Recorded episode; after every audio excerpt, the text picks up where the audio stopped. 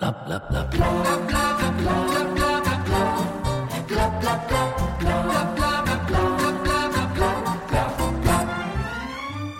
2019 ba barnevernet politiet om hjelp til å håndtere barn og unge 2800 ganger.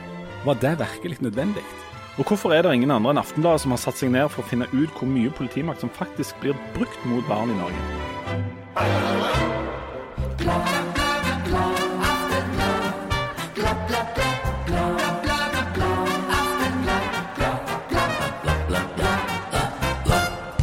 Hjertelig velkommen til Aftenbladet, som i dag er en slags spesial.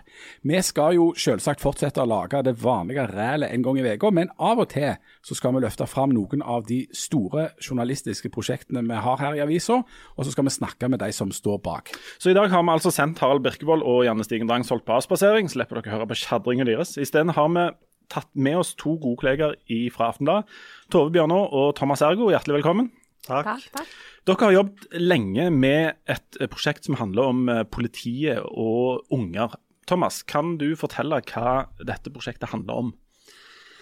Det handler om eh, å få oversikt over eh, barnevernets bruk av eh, politiet, for å si det helt kort. Eh, det er et område som eh, vi siden eh, vi skrev om Glassjenta for fem år siden, med omfattende bruk av eh, politi mot eh, jenter under barnevernets omsorg.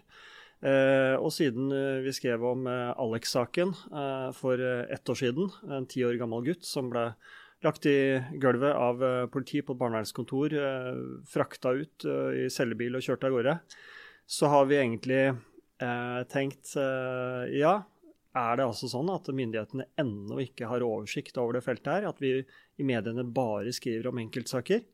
Eh, I så fall, eh, viktig eh, område rettssikkerhetsmessig, eh, skal vi gå inn og se om vi greier å, å kartlegge dette feltet. For Er det sånn at eh, det rett og slett ikke finnes noen oversikt over mm, altså kontakten mellom politiet og barnevernsbarn i Norge? Nei, det bekrefta eh, daværende barneminister Solveig Horn i 2016, når Aftenbladet skrev eh, 64 sider om glassjenta. Utsatt for eh, 50 politioppdrag under barnevernets omsorg på halvannet år. 25 ganger i håndjern. Eh, pepperspray, bodycuff, eh, arrester osv. osv. osv.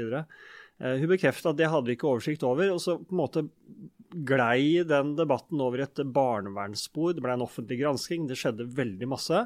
Men, men fokuset på eh, politiet Jeg husker det første oppslaget vi hadde den gangen, var jo et bilde av Ida med, som ble lagt eh, i, i, i storma inn på soverommet hennes, og flere uniformerte politifolk med skjold. Eh, men, men det sporet forsvant litt for vår del òg. så, så, så det, og hun bekrefta, Horne, den gangen at hadde, det fantes ingen oversikt. Skulle snakke med justisministeren om det. Kom Alex-saken, som Tove eh, skrev om i, i fjor. Um, og så spurte vi igjen. uh, har dere oversikt nå? Og så viste det seg at dette er en blindsone på en måte i velferdsstaten. Det er ingen oversikt, det er ingen kontroll, det er ikke noe tilsyn, ingenting, ingen kunnskap. Altså, Ordet politi og barn det skulle liksom ikke opptre så veldig ofte i samme setning. det. Altså, Du tenker at politimakt og barn det, det går på et nivå ikke i hop. Men hva slags situasjoner er det politi blir innkalt til der en skal håndtere barn? Ikke sant? Og det er sånn at du har det spørsmålet. Eh, ingen har stilt spørsmålet, ingen har besvart det, og vi har gått inn i det.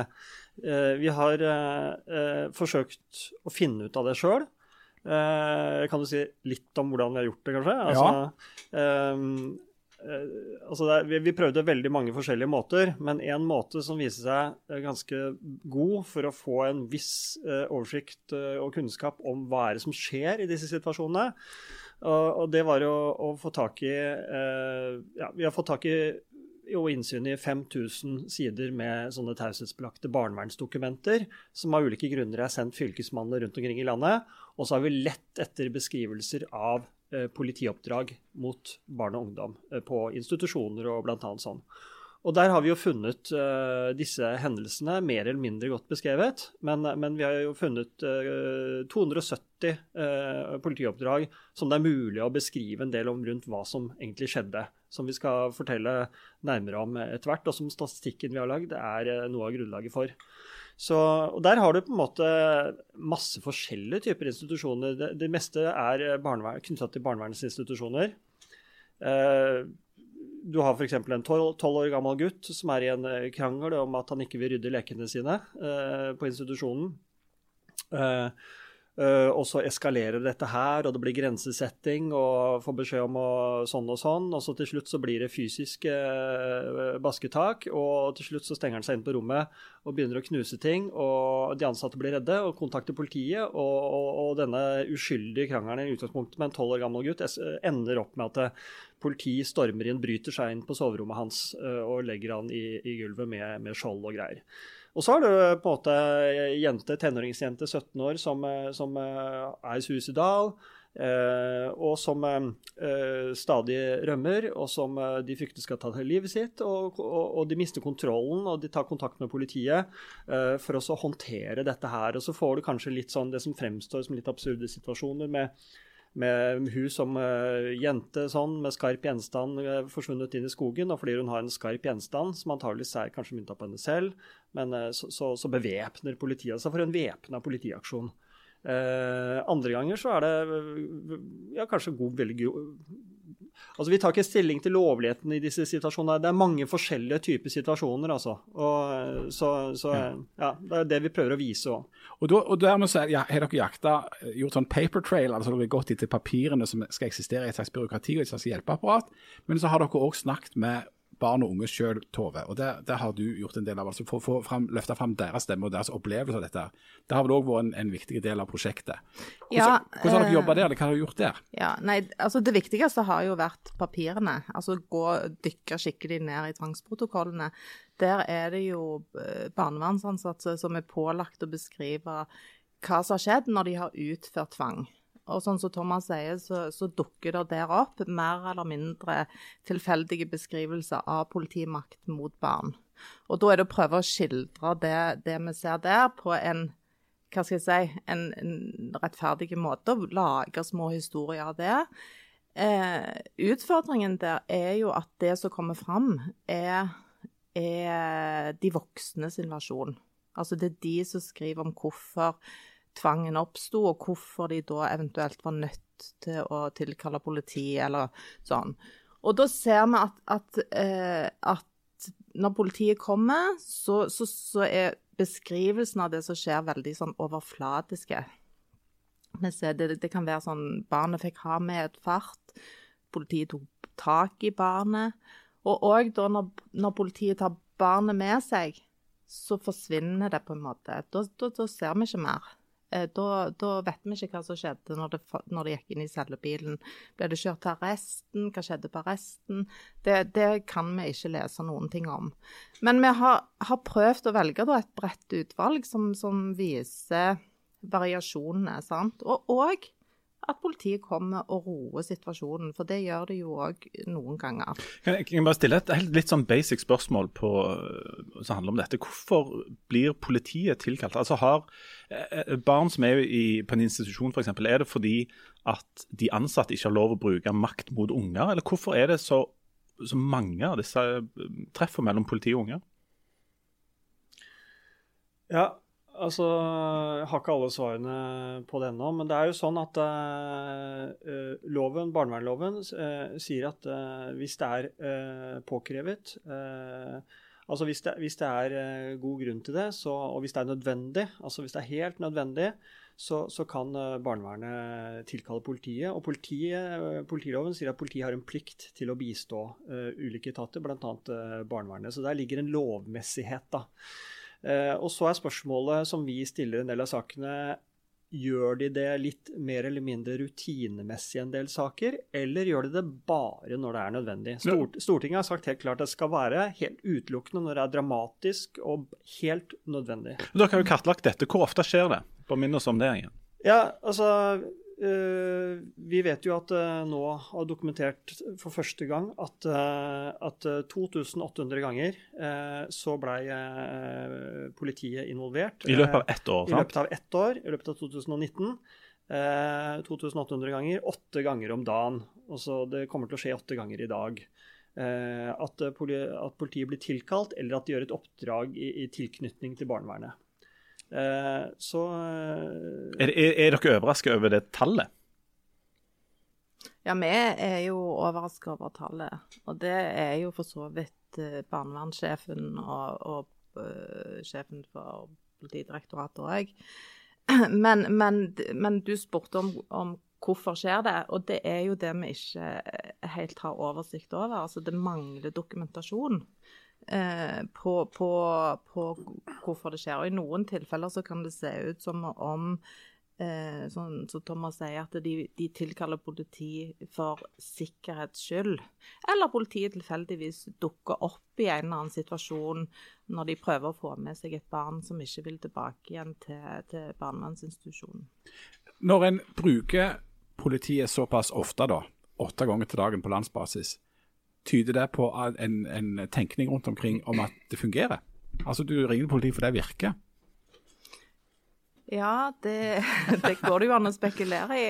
Det er vanskelig å si. Men, men, det går jo i alle fall an å stille spørsmål med om dette er en praksis som har sklidd ut, og om, det, om, om retningslinjer og lov, lovverk blir fulgt. Om, de virkelig, om, det virkelig er nødvendig.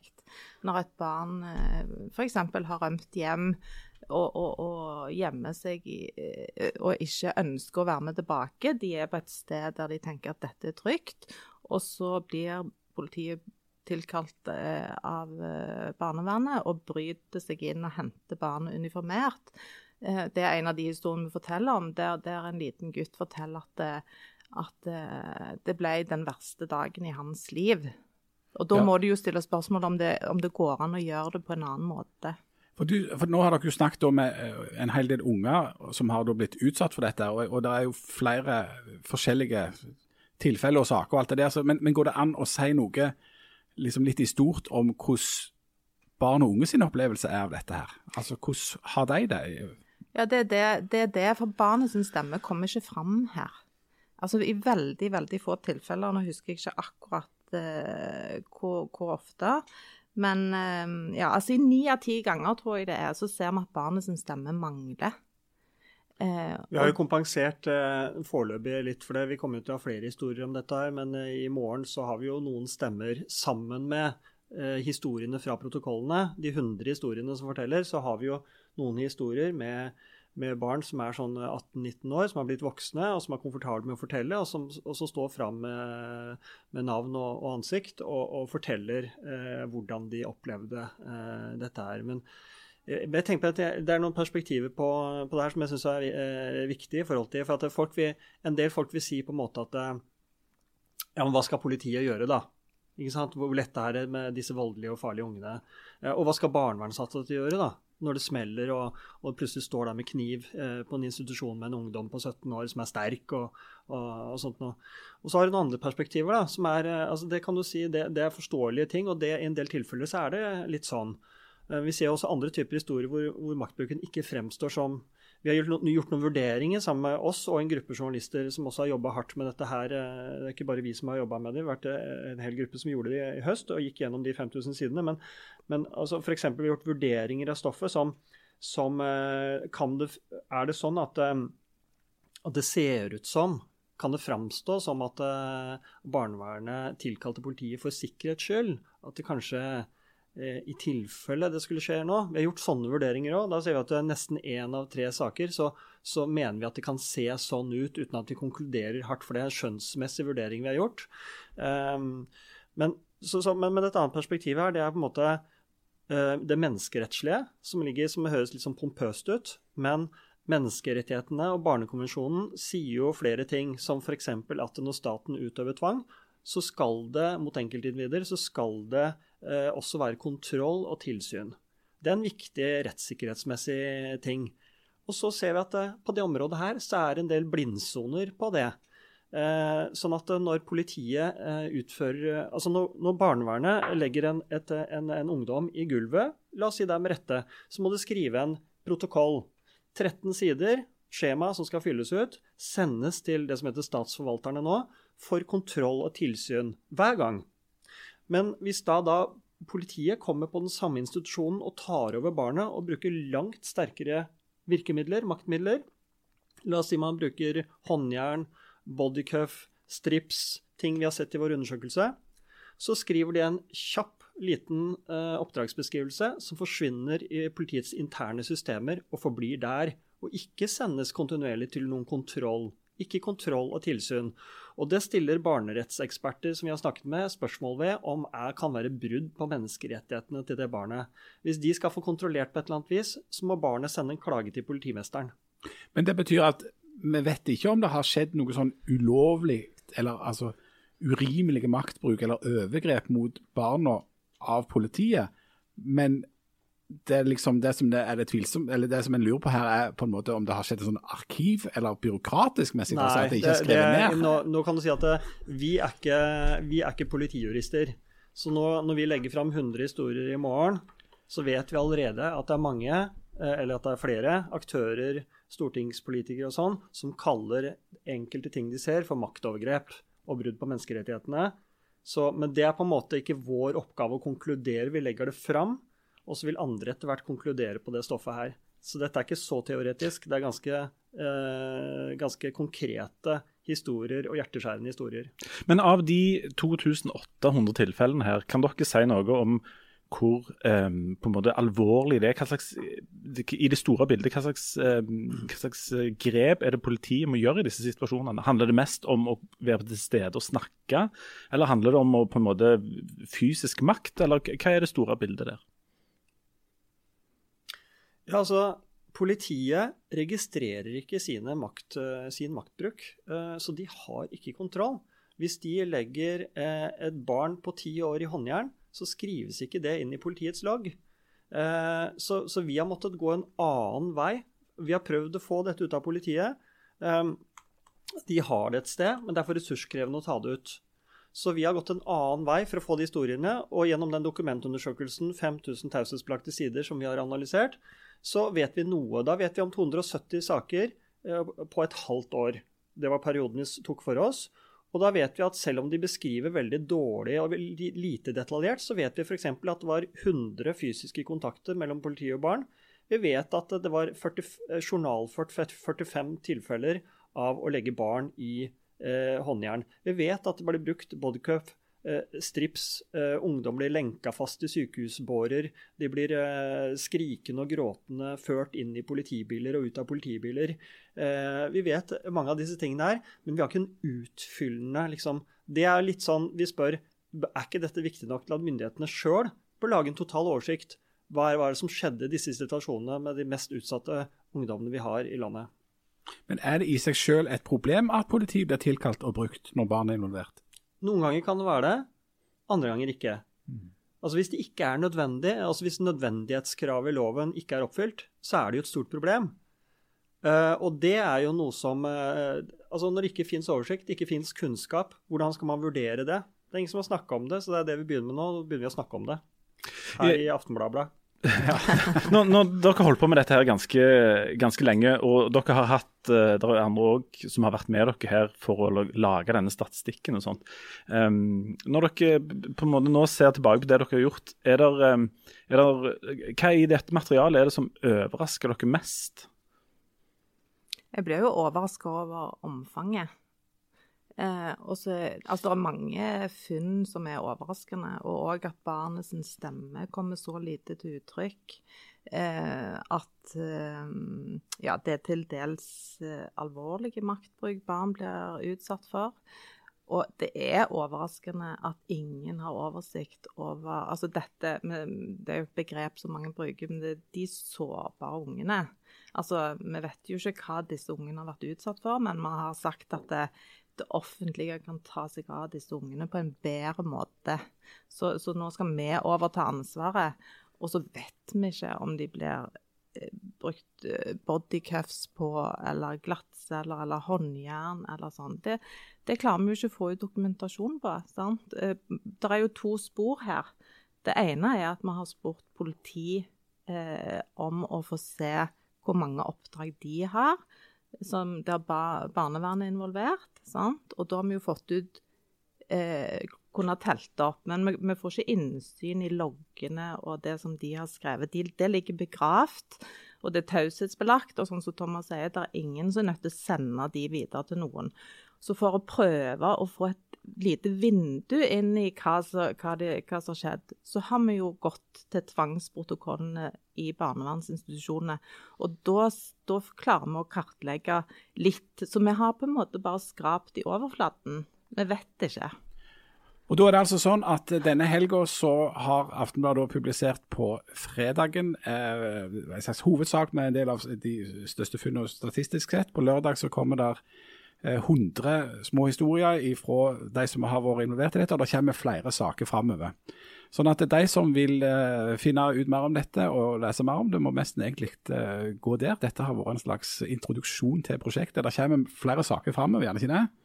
Ja da, altså det, er, det kommer mye interessant. Og vi er jo veldig nysgjerrige når du spør hva som eh, eh, overraska. Altså, eh, vi, kan legge til en liten ting. Altså, eh, altså jeg er jo opptatt litt sånn tilsynsmyndigheten og det der. Altså disse, Alle de historiene vi har hatt tilgang til, de, er jo kommet til tilsynsmyndighetene rundt omkring i Norge.